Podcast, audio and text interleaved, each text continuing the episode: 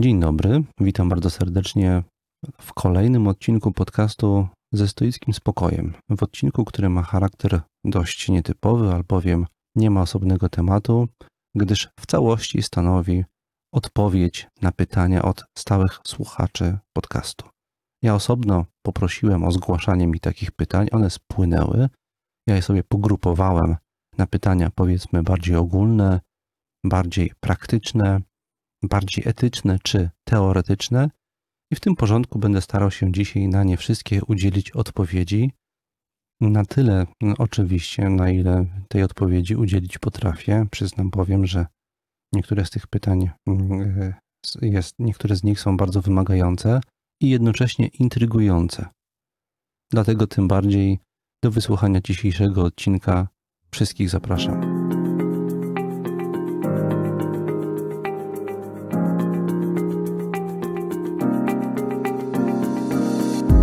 Mamy ograniczony wpływ na to, gdzie i pośród jakich ludzi żyjemy. Nie my decydujemy, co nam się codziennie przydarza. Od nas jednak zależy, jak to przyjmujemy i jakimi stajemy się ludźmi. Nazywam się Tomasz Mazur.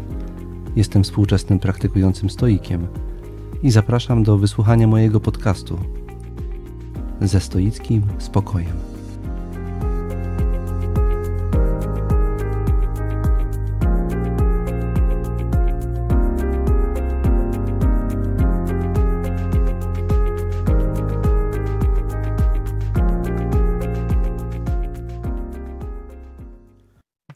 Zacząć oczywiście muszę od podziękowań wszystkim słuchaczom, którzy zgłosili pytania. Bardzo serdecznie dziękuję wszystkim, którzy zgłosili podziękowania za pracę, jaką wkładamy w ten podcast. Także bardzo serdecznie dziękuję.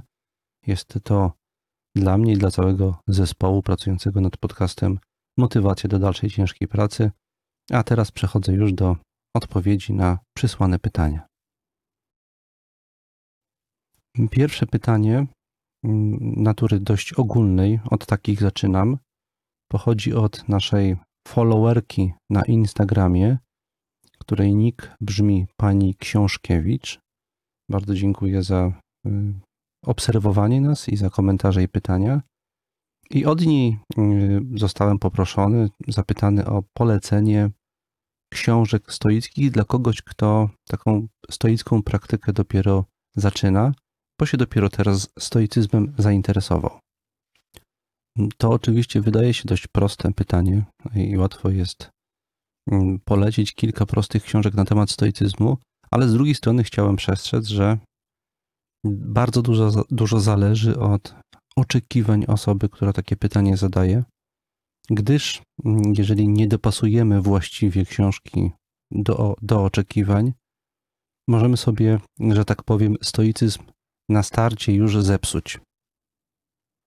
Można y, bowiem trafić zarówno na książkę zbyt ambitną, zbyt techniczną, która mm, poziomem trudności tekstu i zawiłością prezentowanej w niej doktryny stoickiej może zniechęcić początkującego czytelnika, a trzeba wiedzieć, że antyczna doktryna stoicka stanowi mm, miejscami bardzo zawiły system filozoficzny, z drugiej strony można trafić na książkę, która stoicyzm spłaszcza i trywializuje, przez co może zniechęcić, że to jest po prostu taka zdroworozsądkowa, banalna filozofia, mówiąca nam o tym, jak to e, należy zachować spokój w różnych trudnych sytuacjach. Trzeba więc sięgać do różnych źródeł. Chyba można w sumie je poklasyfikować na co najmniej trzy takie typy literatury, od której można zacząć. E, po pierwsze, oczywiście antyczne, klasyczne teksty stoickie, które są cały czas wznawiane, cały czas czytane i w zasadzie cały czas aktualne. Takim antycznym tekstem jest e, zbiór listów moralnych do Lucyliusza Seneki. Takim antycznym tekstem są diatryby Epikteta e, i takim tekstem są rozmyślania Marka Aureliusza. To był dla mnie początek doświadczenia z praktykowaniem stoicyzmu, studiowanie tych tekstów i próba przekładania tego, co tam jest napisane, na moje życie. Jednocześnie, i to jest, przechodzę do drugiej grupy tekstów, jest cała grupa autorów współcześnie popularyzujących w mniej lub bardziej upraszczający sposób stoicyzm. Takim autorem na pewno jest e, Ryan Holiday, mm, autor książki, książek takich jak e, Ego is the Enemy e, czy Obstacle is the Way. Jego książki są tłumaczone na język polski. Dwie, które wspomniałem, mm, przetłumaczone są jako Ego to twój wróg i druga przeszkoda czy wyzwanie. Mm, na pewno warto, żeby osoba początkująca sięgnęła do tych książek. Innym autorem działającym na rynku polskim jest oczywiście Piotr Stankiewicz. Cały czas y, warta polecenia jest jego praca pod tytułem Sztuka życia według stoików, która ma właśnie charakter wprowadzający dla osób niezapoznanych z doktryną stoicką jeszcze. Innym autorem, który y, już operuje na trochę bardziej ambitnym poziomie, jest Donald Robertson, przy czym jego prace popularyzujące stoicyzm nie zostały do tej pory przetłumaczone na język polski. Tym niemniej tych e, ze słuchaczy, którzy językiem angielskim operują, bardzo gorąco zachęcam. Jest to Donald Robertson, o którym tutaj mówiłem, z którym tutaj prowadziłem wywiad, jest autorem. Jest, jest z zawodu psychiatrą, psychoterapeutą, który można powiedzieć prawdziwie nawrócił się na stoicyzm z perspektywy zarówno swojej fachowej wiedzy, jak i teraz już doświadczenia w praktyce, bardzo rzetelnie mm, wprowadza w kulisy codziennej, współczesnej, efektywnej praktyki stoickiej. Mm, osobiście bardzo też cenię książkę Williama e, Irwina Mm, pod tytułem The Guide, A Guide to the Good Life, The Ancient Art of Stoic Joy. Jest kolejna książka nieprzetłumaczona na język polski. Zachęcam wszystkich do czytania moich książek y, popularyzujących stoicyzm, mm, czyli o stawaniu się stoikiem, jak i dostępną na y, portalu Stoicway książkę pod tytułem Wielki Spokój, która wprowadza postać trochę zapomnianego już antycznego stoika Muzoniusza Rufusa. Trzecia wreszcie grupa tekstów, po które warto sięgnąć, jeżeli ktoś chce dzisiaj zacząć praktykować i rozumieć stoicyzm, to są teksty już bardziej fachowe, y, nawet do pewnego stopnia akademickie, które szczegółowością i poziomem opracowania y, gwarantują nam zrozumienie bardzo wielu niuansów tej praktyki, dzięki czemu mm, możemy ją bardziej efektywnie i bardziej precyzyjnie stosować w swoim życiu. Na pewno takim autorem jest brat Inwood, e, autor między innymi książki pod tytułem Ethics and Human Action in Early Stoicism. Mnie osobiście ta książka bardzo dużo dała kiedy próbowałem zrozumieć, jak antyczni stoicy widzieli człowieka. Z tej książki właśnie między innymi wywnioskowałem i zrozumiałem, że dla antycznego stoika ludzka natura, ludzki, ludzki organizm czy umysł jest bardzo skomplikowanym mechanizmem do podejmowania decyzji, który się bardzo łatwo psuje. Zrozumienie, jak efektywnie podejmować decyzje jest właściwie kluczem do zrozumienia praktyki stoickiej. Tak zrozumiałem tą książkę. Innym współczesnym, wartym polecenia autorem mm, jest e, Lawrence Becker, autor książki A New Stoicism, e, w której mm, pokazuje, jak dzisiaj jego zdaniem warto mm, praktykować stoicyzm, to znaczy, które elementy antycznej doktryny stoickiej możemy przełożyć na współczesny światopogląd, a które należy postrzegać jako archaiczne. E, przy okazji autor prezentuje bardzo szczegółową analizę poszczególnych stoickich tez i teorii. Takim e, tekstem trochę z pogranicza drugiej i trzeciej grupy jest pozycja pod tytułem The Stoics, A Guide for the Perplexed, czyli stoicyzm przewodnik dla zagubionych. Jej autorem jest e, Mark Holowczek. bardzo wartościowa pozycja, jakkolwiek właśnie poszczególne elementy doktryny stoickiej mm, czas nie, nie, niekiedy wyłożone są w niej w sposób bardziej akademicki, ale y, dzięki temu pozwalający je, je w sposób bardziej precyzyjny zrozumieć. Mm, podsumowując moją odpowiedź, no to pytanie, pierwsze pytanie, na które udzielam odpowiedzi w dzisiejszym podcaście. Praktykując stoicyzm, zaczynając praktykowanie stoicyzmu, warto jest sięgać do różnorodnych źródeł.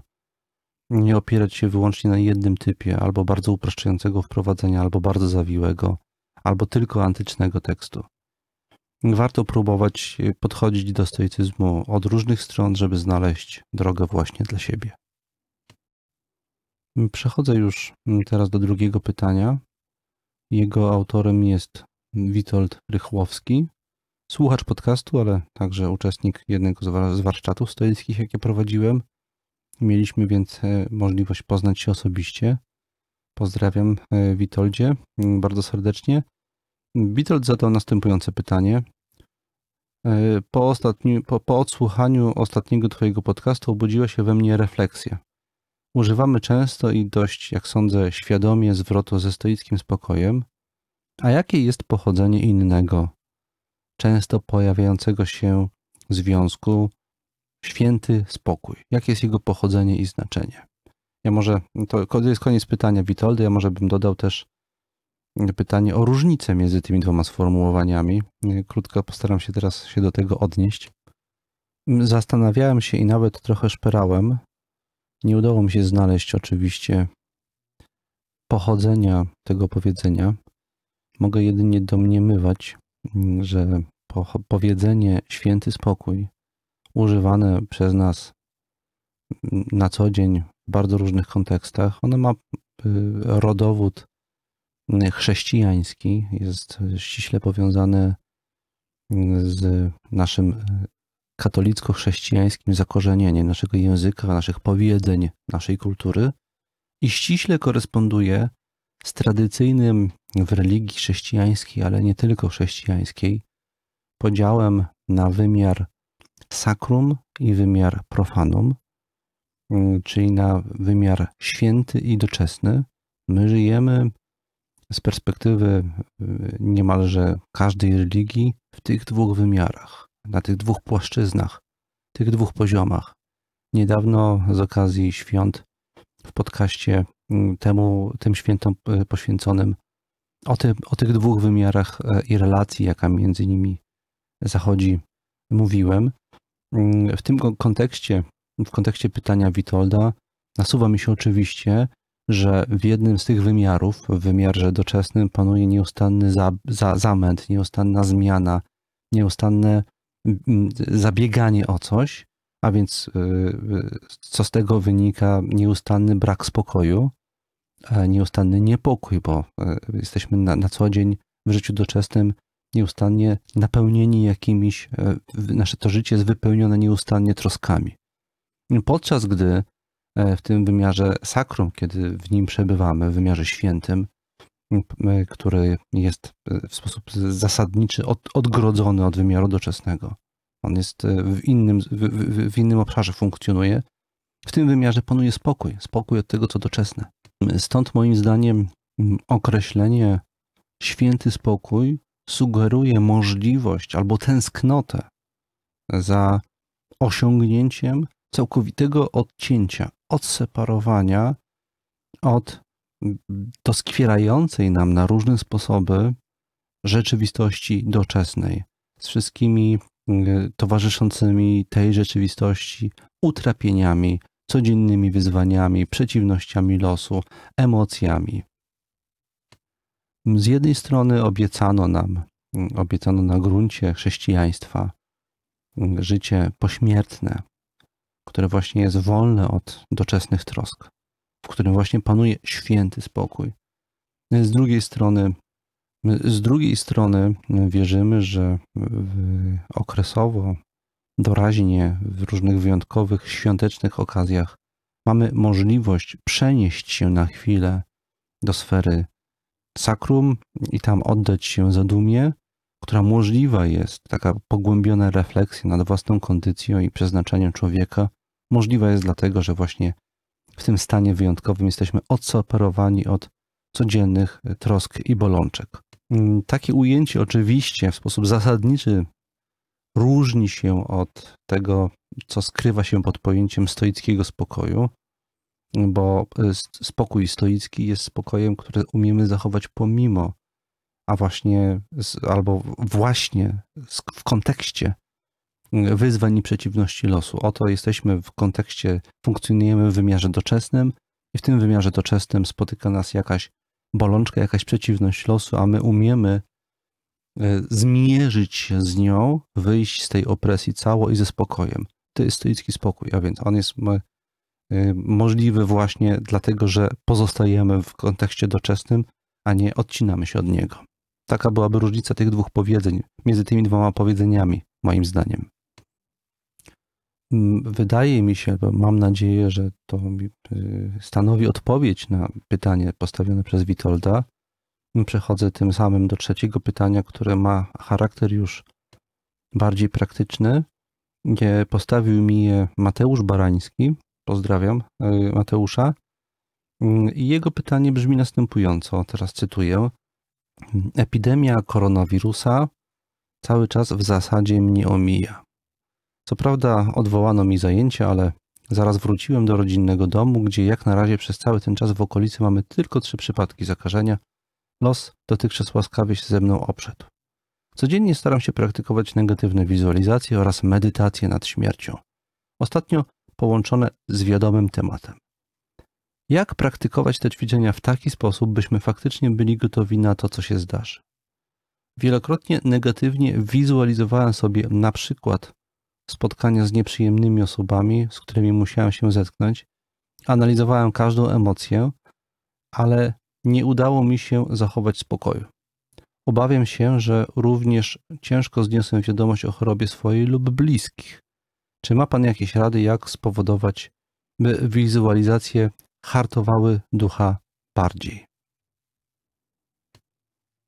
To bardzo konkretne i niełatwe pytanie, bo ciężko jest powiedzieć, w którym momencie kto robi coś, co przekłada się na brak mm, efektu w postaci skuteczności praktyki.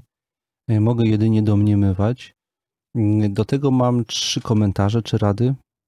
Po pierwsze, negatywna wizualizacja, ten trening, może przypomnę, czym on jest. Chodzi o wyobrażenie sobie tego, czego się obawiamy, że mogłoby się wydarzyć, co, czego spodziewamy się, że mogłoby nam się wydarzyć.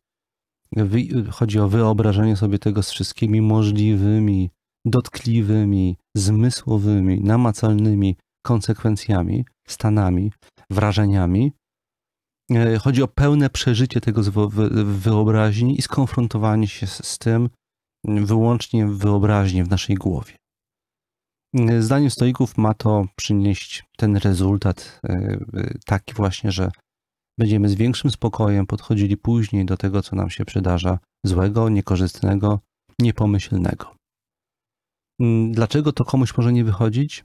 Faktycznie słyszałem o wielu osobach, które, którym negatywna wizualizacja, mm, czyli premedytatio malorum, nie przynosi spodziewanych rezultatów, że, to ćwiczenie, że jest to ćwiczenie, na które narzekają, a wręcz nawet niektórzy narzekają, że jest to ćwiczenie y, trochę dołujące, bo nie dość, że nie przynosi pożądanych rezultatów, to jeszcze y, podnosi poziom lęku. Skoro zaczynamy medytować nad tym, że możemy stracić kogoś bliskiego, to zaczynamy się faktycznie bać, że go stracimy, o czym być może wcześniej po prostu nie myśleliśmy. Na czym może polegać błąd? Niektórzy potrzebują wzmocnić to ćwiczenie innymi ćwiczeniami, takimi jak perspektywa kosmiczna, czy y, hierarchia wartości, gdzie wizualizujemy sobie, co jest dla nas ważne i dlaczego. Mm, e, I dzięki tej wizualizacji, mam na myśli y, hierarchię wartości, i zestawieniu jej z premedytatio malorum, widzimy, że negatywne emocje, które nam się włączają z powodu obawy o coś, co nam się mogłoby przydarzyć, uniemożliwiają nam faktycznie realizację różnych cen, ważnych w naszym życiu celów, E, realizację wartości. A więc zaczynamy widzieć to z perspektywy praktycznej. Zamiast zamartwiać się, że ktoś bliski, mogę stracić kogoś bliskiego, lepiej skoncentrować się na tym, jak dzisiaj spędzić dobrze z nim dzień. Dlatego niektórzy potrzebują tego rodzaju wzmocnienia. Kolejna rada y, może być taka, że istotą tego ćwiczenia nie jest wyłącznie wizualizacja. Niektórzy robią to ćwiczenie tylko w połowie i potem się dziwią, że to nie ma efektu, że nie przynosi to ćwiczenie y, pożądanego rezultatu. Kończymy w połowie ćwiczenie pod tytułem Premedytatio Malorum, kiedy skupiamy się wyłącznie na wizualizacji sobie czegoś y, złego, co mogłoby nas spotkać. Tymczasem istotą tego ćwiczenia jest zwizualizowanie sobie, a następnie wyobrażenie sobie siebie e, jako osoby, która radzi sobie z tym wyzwaniem, z tą sytuacją i żyje dalej. I ja, jako osoby, która mówi, i co z tego? E, chodzi o to, żeby wyobrazić sobie to, tą straszną rzecz, której się obawiamy, że mogłoby nas spotkać, a następnie wyobrażenie sobie siebie jako osoby, która bardzo dzielnie to znosi, e, która umie znaleźć dla siebie dalszą drogę życia, satysfakcjonującego życia. Ostatecznie i ostatnim krokiem ćwiczenia pod tytułem Premeditatio Malorum jest przypomnienie sobie podstawy, fundamentu stoickiej koncepcji wartości, gdzie jedyną dobrą rzeczą jest to, co tu i teraz, to jaki jestem tu i teraz i to jak działam tu i teraz. Jedyną złą rzeczą jest również to, jaki jestem tu i teraz i jak działam tu i teraz. Nie to, co mi się przydarza, jak reaguję na to, co się przydarza.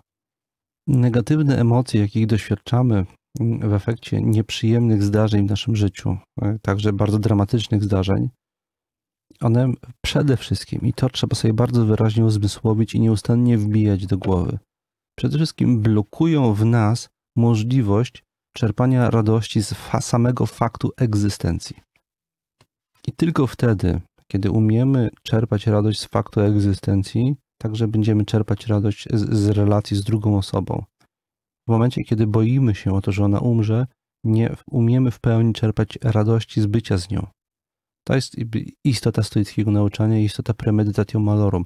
Premedytatio malorum służy odblokowywaniu dostępu do radości z bycia z drugą osobą tu i teraz. Stoik ćwiczący premedytatio malorum powiada sobie w związku z tym tak. Ta osoba umrze, bliska mi osoba umrze, prędzej czy później. Możliwe, że prędzej, dlatego powinienem skupić się na tym, żeby dzisiejszy dzień z nią jak najlepiej przeżyć, bo nic innego ode mnie nie zależy. Kolejnym, ostatnim powodem, dla którego premedytatio malorum może nie prowadzić do poprawnych, oczekiwanych rezultatów, jest y, heteronomia, czyli przeciwieństwo autonomii. Stoik jest kimś, kto potrafi być szczęśliwy, dlatego że jest, dlatego że sam fakt egzystencji, bez względu na kontekst, w jakim ona się toczy, jest doświadczeniem radosnym, tylko trzeba umieć tą, tą radość wydobyć z tego doświadczenia. Podczas gdy większość ludzi Y, y, uzyskuje szczęście dzięki czemuś zewnętrznemu, co im się w życiu przydarza. Na przykład dzięki relacji z innymi ludźmi, mm, albo dzięki mm, różnym sukcesom, na przykład w życiu zawodowym. Mm, tak długo, jak będziemy heteronomiczni, premedytatio malorum będzie prowadzić do y, uczucia dyskomfortu. Dlatego trzeba wykorzystać premedytatio malorum i to, czego doświadczamy w trakcie tego premedytatio malorum, te emocje, o których Pan Mateusz pisał, których, których doświadczamy, które są nieprzyjemne, trzeba wykorzystać do poznania siebie i zrozumienia, dlaczego jesteśmy tak bardzo zależni od rzeczy zewnętrznych i, czy, i na ile jesteśmy w stanie to zmienić. Mając nadzieję, że w ten sposób udzieliłem odpowiedzi na pytanie Pana Mateusza, przechodzę do następnego pytania. Mm, ono e, pochodzi od e, kolejnej naszej słuchaczki, followerki mm, z Instagramu. Jej nick y, tym razem to nadzwyczajna.pl i y, od nadzwyczajnej.pl dostałem pytanie brzmiące następująco. Pro, odpowiedz proszę, opowiedz proszę o pisaniu stoickim. Czy różni się od zwykłego pisania jak poranne kartki Julii Cameron? To pytanie oczywiście jest na dość ogólnym poziomie y, sformułowane. Ja może przypomnę, czym są e, poranne kartki Julii Cameron. Julia Cameron jest autorką mm, książki z zakresu kreatywności. Mm, jest to, jest to artystka, która doświadczyła kryzysu twórczego y, w pewnym wieku bojąc się, że z niego nie wyjdzie, szukała różnych metod poradzenia sobie z nim i znalazła bardzo prostą metodę, polegającą na tym, żeby codziennie rano spisywać na kilku kartkach swoje przeżycia, przemyślenia, doświadczenia. E, I ona zauważyła, że dzięki systematyczności tego typu pracy odblokowywują się pokłady twórcze w nas samych, o których nawet wcześniej nie wiedzieliśmy. Pierwotnie było to zamyślone jako technika dla artystów, którzy doświadczają wypalenia. Okazało się, że jest to technika, którą może zastosować każdy człowiek, który szuka w swoim życiu inspiracji, otwartości, kreatywności, że jest to po prostu bardzo także przydatne, żeby poukładać własne, własne myśli i mieć lepszy kontakt z samym sobą. Ta praktyka jest dość bliska temu, co rekomendowali antyczni stoicy i co, i co robili antyczni stoicy. E, proszę na przykład zwrócić uwagę na konstrukcję rozmyślań Marka Aureliusza. Rozmyślania Marka Aureliusza są efektem w pewnym sensie tego typu praktyki. Mm, jednym z elementów ćwiczenia cesarza, codziennego ćwiczenia cesarza było to, że on siadał rano, wieczorem nad swoim dziennikiem, zapisywał swoje myśli. E, przy jeszcze jednym elemencie ważnym, starał się im nadać mm, odpowiednią, precyzyjną, jednocześnie piękną formę. Tego typu praca pisarska przekładała się później na co dzień w jego życiu na efektywność codziennej praktyki. Albowiem przez to, że my zapisujemy, przetwarzamy pewne rzeczy. To doświadczenie staje się bardziej realne. Sama myśl w głowie pomyślana y, dużo łatwiej ulatuje nam z tej głowy niż myśl, którą my przekształcimy na coś, co się daje zapisać, co brzmi y, przekonująco dla nas samych. Na tym polega ta praktyka. Jeżeli chodzi o w ogóle sam, samą dyscyplinę pisania, to mamy w historii co najmniej dwa nieźle udokumentowane przypadki osób, które w sposób bardzo konsekwentny tą dyscyplinę praktykowały. Jedną z nich jest Chryzyp, filozof stoicki, który napisał za życia y, y, około 700 ksiąg. Mm, I znany był z tego, że pisał w przełożeniu na strony standardowe dzisiaj, ja to tak liczyłem, około kilkunastu stron dziennie. I był to y, jego element jego codziennego stoickiego treningu, żeby rozumieć, żeby mieć sprawny umysł, a przypomnę, że w stoicyzmie kluczem praktyki jest sprawny umysł, umysł, który umiejętnie analizuje to, co nam się przydarza, umie oddzielić to, co przypadkowe, od tego, co istotne, to, na co trzeba zareagować, e, od tego, na co nie należy zareagować, który dzięki temu, że jesteśmy uważni, potrafi przyporządkować dane zdarzenie do właściwej kategorii, klasy zdarzeń i właściwie w efekcie zareagować na to zdarzenie. To na tym polega stoicka uważność. Chryzyp odkrył, że ona wzrasta wraz z praktyką spisywania swoich przemyśleń, ale także przetwarzania przemyśleń innych, żeby je lepiej zrozumieć i stworzyć na bazie tego przetwarzania spójną własną wykładnię tego, co zrozumiałem z innych tekstów. Tym na co dzień zajmował się Chryzyp, pisał kilkanaście stron tekstu dziennie, nieustannie przetwarzał to, co przeczytał u innych, co przemyślał przy okazji, czego sam doświadczył, tworzył z tego jedną nową, spójną całość. Dzięki codziennemu tworzeniu takiej spójnej całości z tych trzech elementów, tego co myślimy, tego co doświadczamy tego co przeczytaliśmy u innych, y, my sami się zmieniamy, bo to y, z, tych wszystkich trzech elementów y, tworzy się nowa jakość, która jest podstawą naszego funkcjonowania. Drugim przypadkiem jest obok Chryzypa postaci, która bardzo dużo pisała, święty Tomasz Zakwinu. On jest też znany z tego, że pisał kilkanaście stron tekstu dziennie, przy czym mm, on jednocześnie też osiągnął umiejętność dyktowania tekstów skrybom, podobno e, osiągnął tak duży kunszt i za, zaawansowanie w tej praktyce, że był pod koniec życia w stanie dyktować trzy różne teksty jednocześnie trzym, trzem skrybom, to znaczy dyktował kilka zdań jednemu skrybie, on go zapisywał, przechodził do drugiego skryby, i dyktował mu fragment innego tekstu, po czym wracał do pierwszego, przechodził potem do trzeciego, po czym wracał do, do pierwszego, nie zapominając toku wywodu, jaki, mm, jaki przedstawiał y, pierwszemu skrybie. Miał tak bardzo poukładaną głowę, poukładane w głowie. Ktoś, kto chce zrozumieć ten kunszt, jaki osiągnął dzięki temu święty Tomasz Zakwinu, powinien sięgnąć po, y, do sumy teologicznej, dzieła, być może mm, y, zdaniem wielu współczesnych czytelników już nieaktualnego, Natomiast nawet jeżeli ono wydaje wam się dzisiaj nieaktualne, ja bardzo chętnie do niego sięgam i bardzo wiele się z nich, z tego tekstu uczę, także jako praktykujący stoik, bo tam w tym tekście w niektórych fragmentach są bardzo ładnie poukładane różne tezy etyczne, y, podział cnót jest bardzo ciekawy przedstawiony, rozumienie y, etycznego, duchowego, wewnętrznego życia jest tam bardzo ciekawie poklasyfikowane. Dzięki temu można także na swój temat się cały czas dzisiaj bardzo dużo nauczyć tym przede wszystkim, co widzimy w tym tekście, jest to, jak bardzo święty Tomasz za chwilę miał poukładany świat w głowie. Jak miał poukładane to, co przeczytał, to, czego doświadczył i to, co, to, co, to, to, co przemyślał i stworzył z tego jedną spójną całość, gdzie miał każdy element doświadczenia ułożony we właściwym miejscu. Pod tym względem mm, suma teologiczna jest dziełem niedoścignionym. Nie ma lepiej poukładanego dzieła, w którym cały świat jest wyjaśniony. Oczywiście e, nie musimy marzyć o tym, żeby wyjaśnić dla samych siebie cały świat, natomiast element zrozumienia rzeczywistości, które się przekłada, przekłada to zrozumienie na określone wskazówki działania, żeby działać w obliczu rzeczywistości i wyzwań, jakie ta rzeczywistość na co dzień niesie ze sobą, żeby działać we właściwy, zgodny z naszymi wartościami i przemyśleniami sposób, to wymaga aktywnej pracy twórczej i przetworzenia tego w nową całość.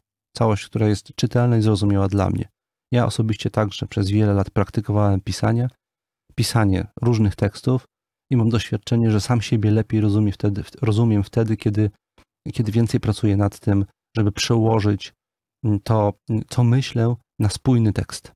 Podsumowując więc, bardzo rekomenduję taką praktykę jako ważny element codziennego mm, treningu stoickiego. Ja to zresztą e, regularnie robię.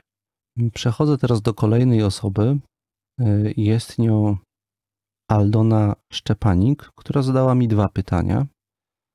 Mm, jedno jest bardziej teoretyczne, mm, drugie bardziej etyczne. Mówię bardziej, bo ta granica nie jest tutaj ostra. Zacznę od pierwszego pytania. Jest ono dość długie, bo y, wymaga naszkicowania pewnego kontekstu, mm, ale je y, postaram się szybko i sprawnie przeczytać. Brzmi ono następująco, wraz z tym kontekstem będę podawał. Od kiedy rządzący zwrócili się do obywateli o ostrożność w związku z sytuacją, nie czuję większego niepokoju. Jak można usłyszeć w mediach, sytuacja niestety może potrwać wiele miesięcy z całkowitym wytłumieniem zachorowań w miesiącach letnich, albo jedynie osłabnięciem i nawrotem w zimie. Scenariuszy jest bardzo dużo, niezliczenie wiele. I tu pojawia się moje pierwsze pytanie. Dzisiaj rano profil Sztuka Życia według stoika, stoików zamieścił na swojej stronie cytat. Przytoczę. Apollo 11. Jest takie piękne zdanie w jednej z książek, ale nie pamiętam w której, że gdy po powrocie z Księżyca astronautom z Apollo 11 dobiegła końca kwarantanna, to, cytuję z pamięci, wyszli z niej pewną gorącą sierpniową noc i weszli w świat, który nie był już taki jak przedtem. Just saying. Koniec cytatu. Mm, I y, słuchaczka komentuje ten cytat tak. Bardzo mnie to ucieszyło, nie ukrywam, w sam raz na nowy dzień, ale po chwili doszły kolejne myśli. To jest tylko jedna z wersji scenariuszy, optymistyczna. Mogę się trzymać tej myśli, owszem, jeśli widzę, że działania zbawienne, y, że działa zbawiennie na moje samopoczucie. Wydaje się całkiem prawdopodobne, ale co jeśli zdarzy się mniej pomyślna dla ludzkości? Jak odróżnić, i to jest kluczowe, mm, kluczowe tutaj mm, wypowiedzi y, y, autorki pytania, kluczowy fragment. Jak odróżnić nieszkodliwy optymizm od szkodliwego? Czy może być szkodliwy optymizm? Jak używać optymizmu, żeby nam służył? Wydaje mi się, że na to pytanie mam dość prostą odpowiedź. Spróbujmy jej udzielić. Po pierwsze, jak rozumiem optymizm? Optymizm jest pewnym przekonaniem na temat natury rzeczywistości, mianowicie takim, że jest to rzeczywistość, w której można realizować wartości, czyli ziszczać cenne dla nas stany rzeczy. Tak rozumiem i tak stoicy rozumieli wartości. Wartość jest to coś, co my możemy w, w, rzeczy, w rzeczywistości zewnętrznej zrealizować z tych rzeczy, które są dla nas cenne i z różnego powodu, z różnych powodów ważne. Tak rozumiem też optymizm w związku z tym. Jest to przeświadczenie o tym, że rzeczywistość ma taki, taki kształt, taki charakter, taką dynamikę, że te cenne dla nas stany rzeczy da się w, w tej rzeczywistości ziszczać. E, czy to w wymiarze zawodowym, czy to w wymiarze rodzinnym, relacyjnym, czy w jakimkolwiek innym, czy, czy w wymiarze twórczym. Ludzie mają różne cele, różne wartości im w życiu przyświecają i jeżeli świat jest tak zbudowany, ma taką dynamikę, że te wartości da się w tym świecie ziszczeć, to wówczas przekonanie o tym możemy nazwać optymizmem. Pesymizmem jest w związku z tym przekonanie odwrotne, że świat nie ma tych właściwości, że cenne dla nas wartości w tym świecie ziszczać się nie da po prostu. Mm, I y, kiedy optymizm jest mm, y, zły, a kiedy dobry? Odpowiedź na to też mi się wydaje dość prosta. Mianowicie optymizm jest zły wtedy, kiedy jest fałszywy, kiedy jest wyłącznie racjonalizacją, albowiem optymizm służy bardzo często do wywołania pewnego pozytywnego stanu emocjonalnego, pozytywnego nastroju. Dzięki postawie optymistycznej my się dobrze czujemy. Optymizm dodaje nam otuchy i optymizm jest zły wtedy, kiedy jest optymizmem na siłę. Jeżeli nie ma racjonalnych przesłanek na rzecz tego, że w świecie dzieje się dobrze, to znaczy, że ziszczać się w nim mogą dalej wartościowe stany rzeczy, a jeżeli my taki pogląd głosimy wbrew faktom, to jest to zły optymizm. A więc dla mnie zły optymizm to jest optymizm fałszywy. W świetle tego kontekstu, jaki tutaj mm, słuchaczka przytoczyła, y, ja się zgadzam z tym, że obecna sytuacja, sytuacja z pandemią, nie powinna nas nastrajać bardzo pesymistycznie. Prawdopodobnie świat po pandemii, prawdopodobnie, bo to zawsze jest tylko prawdopodobnie, wszystko na to, wiele na to wskazuje, świat po pandemii będzie dalej światem, w którym my będziemy mogli ziszczać wartościowe dla nas stany rzeczy, być może e, w, innym wymiarze albo w mniejszym wymiarze niż to dotychczas miało miejsce, ale dalej będzie to możliwe. Drugie e, pytanie pani Aldony ma charakter bardziej etyczny, jest skorelowane ze słynnym etycznym dylematem, dylematem wyboru. Mm, kolejne pytanie, nawet bardziej ważkie od poprzedniego, dotyczy tego, jak służba zdrowia na świecie traktuje w czasie kryzysu osoby na marginesie ścisłej tkanki społecznej, to znaczy osoby starsze lub samotne. Z mniej lub bardziej oficjalnych doniesień wynika, że w Hiszpanii, Włoszech i Niemie Niemczech stosuje się selekcję w pierwszeństwie udzielania pomocy, w której może mieć znaczenie szansa na przeżycie, także wartość społeczna. Czy stoicyzm ma w tej sprawie cokolwiek więcej do powiedzenia niż to, co dobre, to jest cytat z Marka Aureliusza, to, co dobre dla roju jest dobre dla pszczoły, idąc za Markiem Aureliuszem, skoro jeśli stoik uznaje, że lepsze będzie zakończenie życia niż bezsensowne istnienie, bo życie samo w sobie nie jest świętością i to jest stoickie, to czy równie stoickie będzie godzenie się na wybieranie innych na godnych do życia? Koniec y, pytania, drugiego pytania pani Aldony, które powiedziałem, tak jak powiedziałem, jest pytaniem o charakterze etycznym. Zacznę od zaznaczenia, że jest to y, jedno z tych pytań, które oceniam za, jako trudne, jakkolwiek fascynujące. W antycznych stoickich tekstach nie ma tego typu przypadków omawianych. Wiemy oczywiście, że mm, stoicy mieli inny stosunek do życia, do długości życia niż my dzisiaj. Na pewno jedno musimy bardzo wyraźnie podkreślić jeżeli chodzi o antycznych stoików. Decyzja o tym, czy warto żyć dalej, czy nie warto żyć, y, jest decyzją podmiotową, jednostkową. Nikt za nas tej decyzji nie ma prawa podejmować, tylko my sami. to, to się wiąże z tym naciskiem, jaki stoicy kładli na autonomię jednostki, na etyczną autonomię jednostki. Ja decyduję o moim życiu, nikt inny.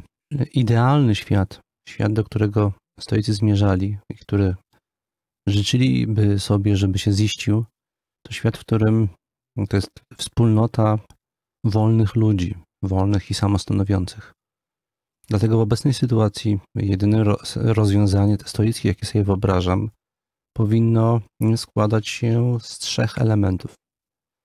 Po pierwsze, mm, osoba, która e, jest przyjmowana do szpitala, powinna mm, dostać do wypełnienia deklarację, e, w której deklaruje, czy w sytuacji, w której inna osoba chora e, mogłaby skorzystać z respiratora, mając jednocześnie wedle oceny lekarza znacznie większe szanse na przeżycie niż ja, czy ja, czy ja zgadzam się na rezygnację z mojego dostępu do respiratora na rzecz tej osoby.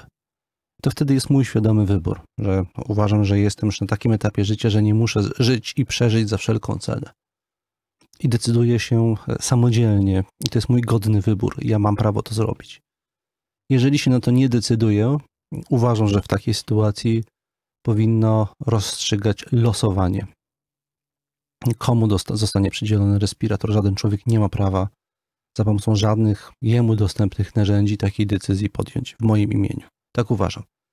Wyjątkiem, i to jest trzeci przypadek, trzecia reguła, którą uważam, że należałoby zastosować, tak rozumując po stoicku, na tyle, na ile ja to dobrze rozumiem, stoicyzm, w tym kontekście bardzo, bardzo specyficznym. Mm, trzecia zasada y, y, polegałaby na ustanowieniu pewnego mm, dającego się przy, przyjąć procenta przeżywalności, czyli prawdopodobieństwa przeżywalności poniżej pewnego procenta przeżywalności i tutaj musiałbym y, o to dopytać specjalistów lekarzy, na przykład 5% szans. Jeżeli ktoś ma, to wtedy załóżmy wbrew jego woli mamy prawo odłączyć go e, od respiratora i udzielić tego respiratora komuś innemu. Kto ma powiedzmy 90% szans, jeżeli ten respirator zostanie tej osobie użyczony. Więc tutaj trzeba by zdefiniować jakiś próg e, przeżywalności, taki sam próg, jak e, przyjęto przy mm, odłączaniu ludzi od urządzeń podtrzymujących życie. Jeżeli szansa na to, że ten człowiek kiedykolwiek, że będzie mógł żyć samodzielnie, jest znikoma, to wtedy jest prawo e, w wielu krajach pozwalające na odłączenie danej osoby od urządzeń podtrzymujących życie. Podobnie uważam, że w tym przypadku powinien być jakiś procent, po przekroczeniu którego lekarz ma prawo odłączyć tę osobę i przydzielić respirator innej osobie. Taki, ja, ja po rozważeniu etycznym tej sytuacji y, taki pogląd sobie wyrobiłem jako stoik. Y, teraz przejdę do następnego pytania. Również takiego, które klasy, klasyfikuję jako etyczne, jako dylemat etyczny, pragmatyczno-etyczny. Jego autorką jest pani Iwona z Instagrama. I jej pytanie brzmi następująco. Na politykę mamy pośredni wpływ jako wyborcy. Tymczasem rzeczywistość funduje nam rewelacje, na jakie nie byliśmy przygotowani. Jak postąpić po stoisku w kwestii wyborów w czasie pandemii? E, tutaj odpowiedź moja też zdawałoby się jest dość prosta. Pierwsza jej część jest bardzo prosta. Po stoisku to znaczy ze spokojem i z dystansem. E, rzeczywistość zawsze szykowała i będzie nam szykowała rewelacje. Taka jest jej natura rzeczywistości, zarówno tej społecznej, jak i niespołecznej. Są rzeczy, na które nie jesteśmy w stanie się w pełni przygotować. One się po prostu wydarzą. I, ale my możemy się przygotować na to w tym sensie, że przyjmiemy to ze spokojem i ze spokojem rozważymy, rozważymy różne opcje. Więc po stoicku to znaczy ze spokojem. Natomiast druga część, jak postąpić, to znaczy ja rozumiem pani Iwony pytanie jako pytanie o to, czy stoik by przystąpił, czy nie przystąpiłby do wyborów. Akurat w tym przypadku wydaje mi się, że nie, nie, ciężko jest podać jednoznaczną odpowiedź stoicką. Mm, powołując się na to, co powiedziałem wcześniej, mm, stoicy byli zwolennikami podmiotowości. E, jeżeli mam przesłankę, że mój wybór ma znaczenie, mam prawo wierzyć w to, że mój wybór ma, ma znaczenie, a jest przesłanka przemawiająca za tym, że on, e, że, że mój głos będzie brany pod uwagę w tych wyborach, odegra pewną rolę. nawet jeżeli one są głęboko nieprawidłowe, te wybory, niezgodne z procedurami. Więc jeżeli jest taka przesłanka, ja osobiście przychylam się do tego, że należy w tym świecie, w jakim żyjemy, w takich warunkach, jakie nam dano, oddać swój głos, zająć stanowisko. I ja bym tak zrobił i tak zamierzam zrobić zresztą, jeżeli będą wybory tej czy innej postaci. Nawet yy, nie spełniające wszystkich wymogów, to ja w nich wezmę udział. Przypomnę, że w historii Polski mieliśmy już sporo takich wyborów. I wtedy także wielu ludzi decydowało się na wzięcie w nich udziału, żeby zamanifestować swoje zdanie. I uważam to jako prawo zamanifestowania swojego zdania. Co z tym zdaniem się stanie, czy ono zostanie uwzględnione, jaki będzie miało wpływ na ostateczny kształt świata, w jakim żyjemy, to już rzecz drugorzędna i poza nami. Oczywiście wydaje mi się, że równie uzasadnialny w warunkach stoickiej y, filozofii, na gruncie stoickiej filozofii, równie uzasadnialne by, będzie też stanowisko, że by nie wziąć udziału w wyborach, bo to też jest manifestacja czegoś, manifestacja naszej niezgody.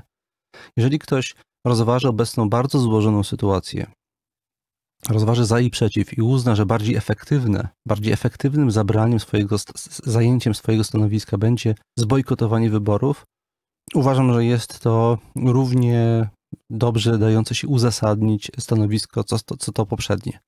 A więc y, jeżeli chodzi o decyzję, nie wiem, jaka powinna być decyzja stoika. Mm, wydaje mi się, że obie, zarówno pójście do wyborów, jak i niewzięcie w nich udziału, jest, ma, ma, swoje dobre i, i uzasadnienia.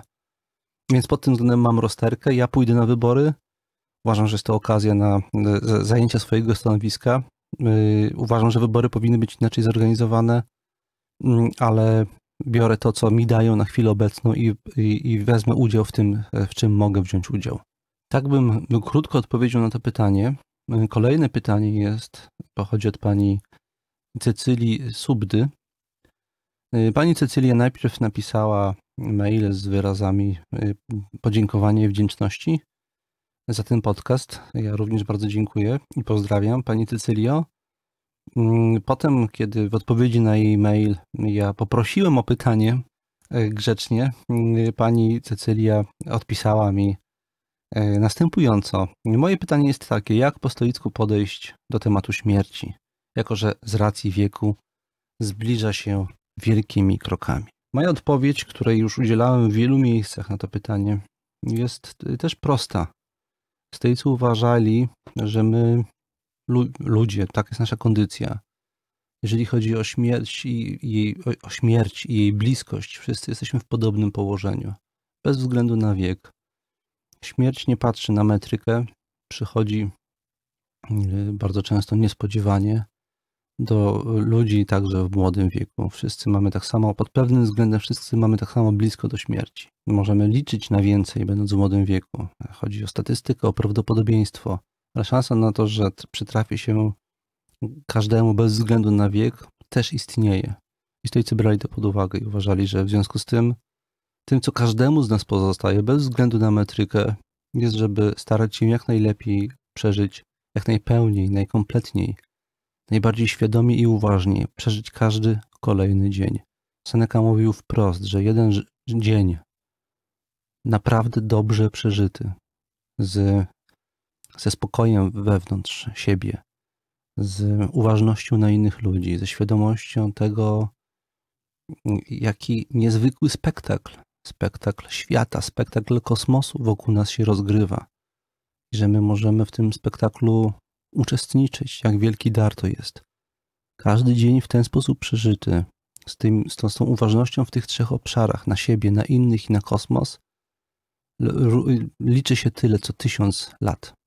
Nie chodzi o długość życia, mówi Seneca, chodzi o jakość, a jeden dobry dzień wystarczy za całe życie.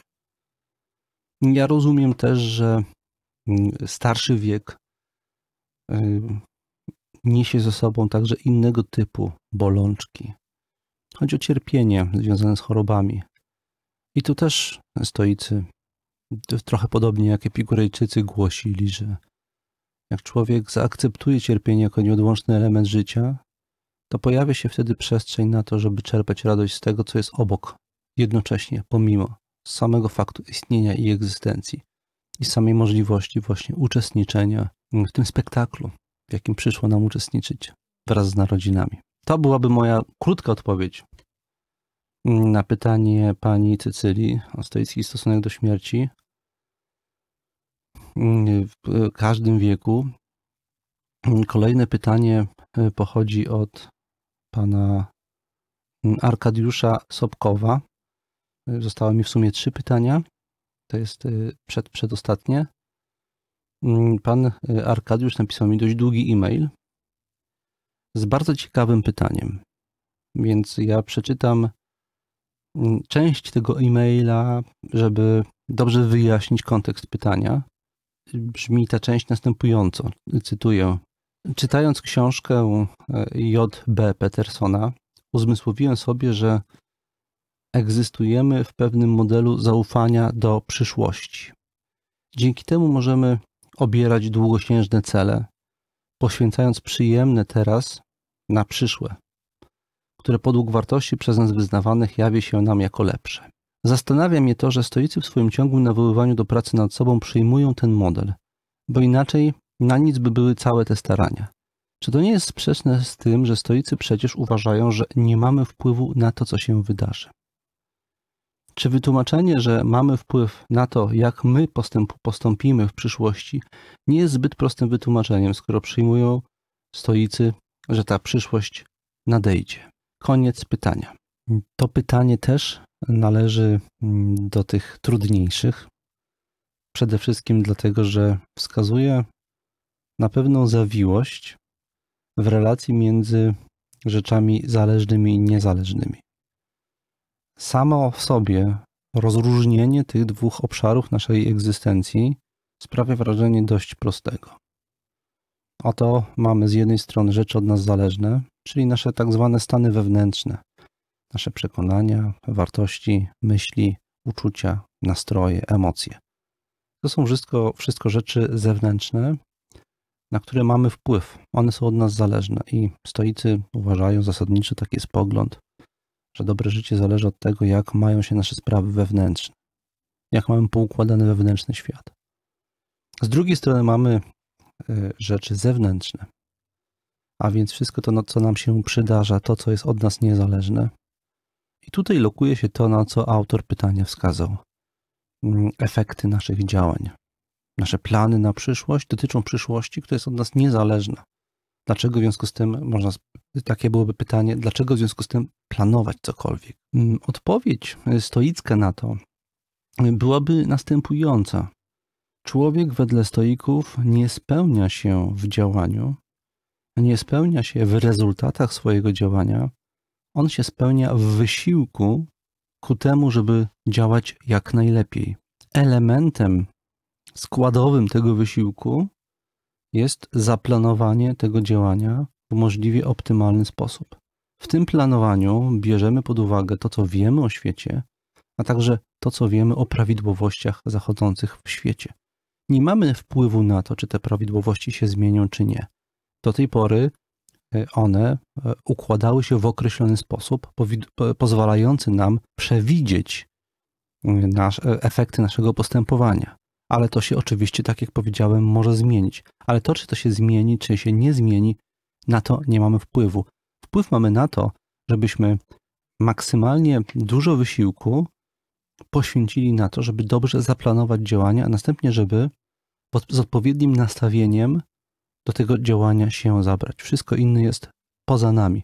Można w związku z tym powiedzieć, że rzeczywistość zewnętrzna jest przestrzenią, w której Stoik realizuje rzeczywistość wewnętrzną. Scenografia tej rzeczywistości zewnętrznej może się zmieniać. Natomiast nasze zamysły, nasze plany, nasze kalkulacje, nasza uważność, która się rozgrywa w tej scenografii, się nie zmienia. Mm, używając y, pewnego porównania, które teraz mi przyszło do głowy, może ono nie jest trafne, ale zabawne. Mm, stoik chce powiedzieć, że Stoik jest trochę jak Woody Allen ze swoich późnych filmów. Mam wrażenie, że późny Woody Allen to jest człowiek, który ma kilka żartów, które po prostu powtarza w różnych kontekstach w różnych scenografiach, a to w Paryżu, a to w Rzymie, a to w Barcelonie, ale generalnie konwencja i sketch jest ten sam, on jest tylko odgrywany w różnych sceneriach. Licząc, że na to, że mm, widz się nie połapie. Podobnie trochę jest ze stoikiem. Stoik ma do odegrania tą samą rolę, po prostu odgrywa ją w różnych sceneriach. I ta sceneria jest poza nim, on się przygotowuje do tego, żeby jak najlepiej ją odegrać. Co nie zmienia postaci rzeczy, że ta sceneria, na którą trochę nie mamy wpływu, jest jednak nam potrzebna, bo potrzebujemy scen scenografii, żeby odegrać swoją rolę. Ale z całą mocą chcę podkreślić, nie scenografia decyduje o jakości tej roli, tylko sposób, w jaki ją odegramy. Mm, przechodzę do kolejnych mm, dwóch ostatnich pytań. Pierwsze właściwie nie jest pytaniem, ale sugeruje pewne pytanie. Autorem tej wypowiedzi jest pan Roman Mierzwiński, który napisał do nas, do mnie do Michała, tak zaadresował swój list, między innymi następujące zdania. Śmiało można powiedzieć, że nie tylko Marek Aureliusz był filozofem na tronie. To samo odnieść można również choć na trochę inną skalę i miarę do znanego zapewne panom generała Stanisława Maczka.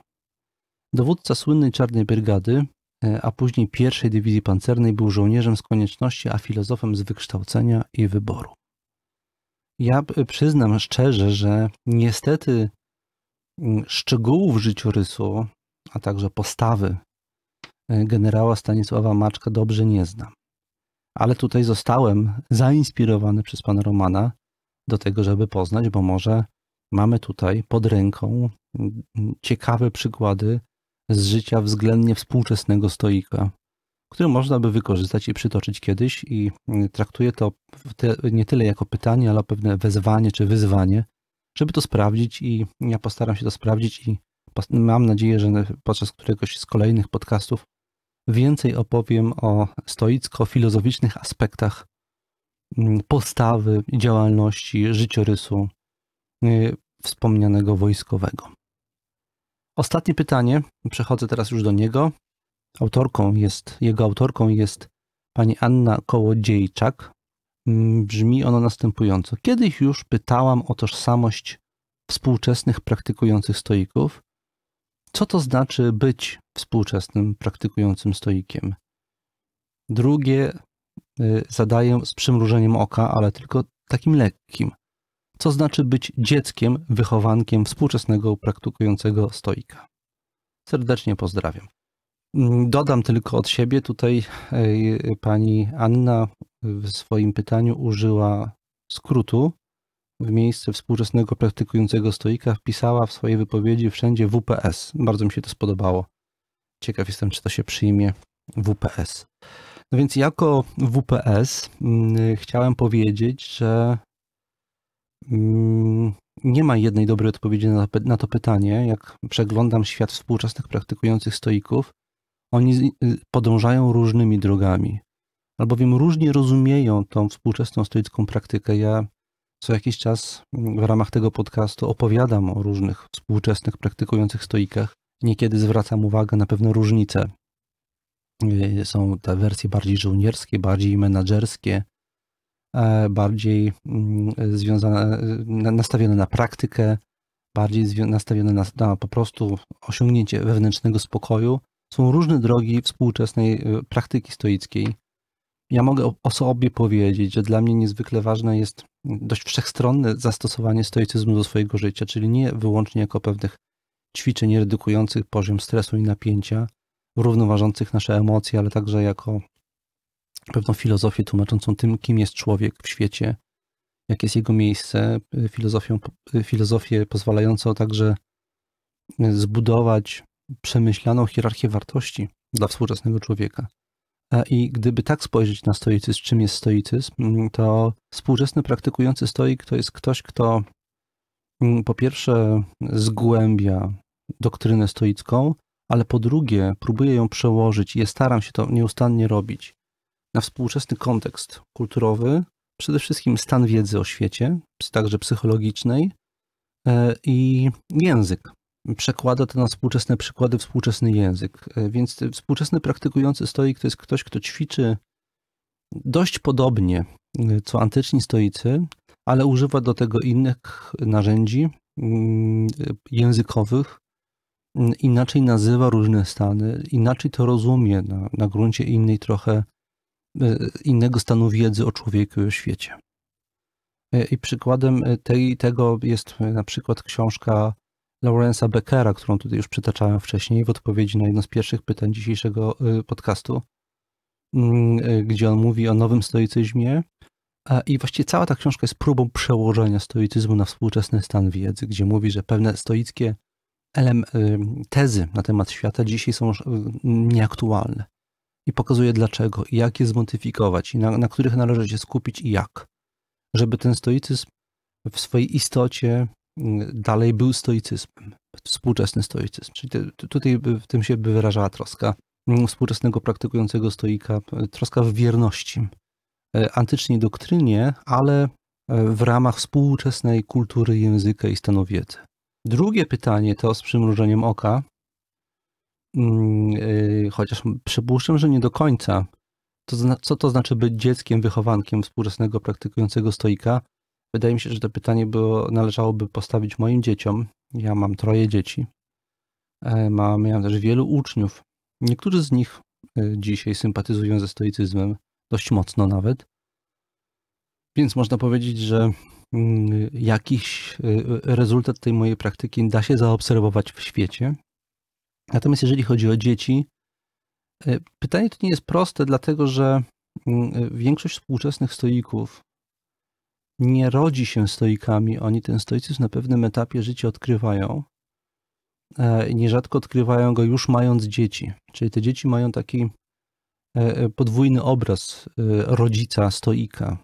To jest ktoś, kto się staje stoikiem. To nie jest ktoś, kto od, od samego początku był stoikiem i od samego początku swoje dzieci po stoicku mm, traktował. To jest ktoś, kto tego stoicyzmu nabierał w trakcie, a więc dzieci widzą proces bardziej, a nie od początku przemyślaną taktykę wychowawczą. E, gdybym ja mógł tak bardzo skrótowo teraz powiedzieć o to, co jest najważniejsze w tej taktyce, to chyba właśnie to, żeby umieć patrzeć na drugiego człowieka, w tym przypadku na własne dziecko, z perspektywy całości procesu życia, w jakim się znajduje, a nie z perspektywy danej konkretnej sytuacji. Kiedy dziecko ciebie złości, umiesz spojrzeć na niego z innej perspektywy zupełnie kiedy dziecko cierpi, też umiesz spojrzeć na niego z innej perspektywy. To znaczy, nie ulegasz chwili, bo właśnie ulegając chwili, często popełniamy błędy wychowawcze.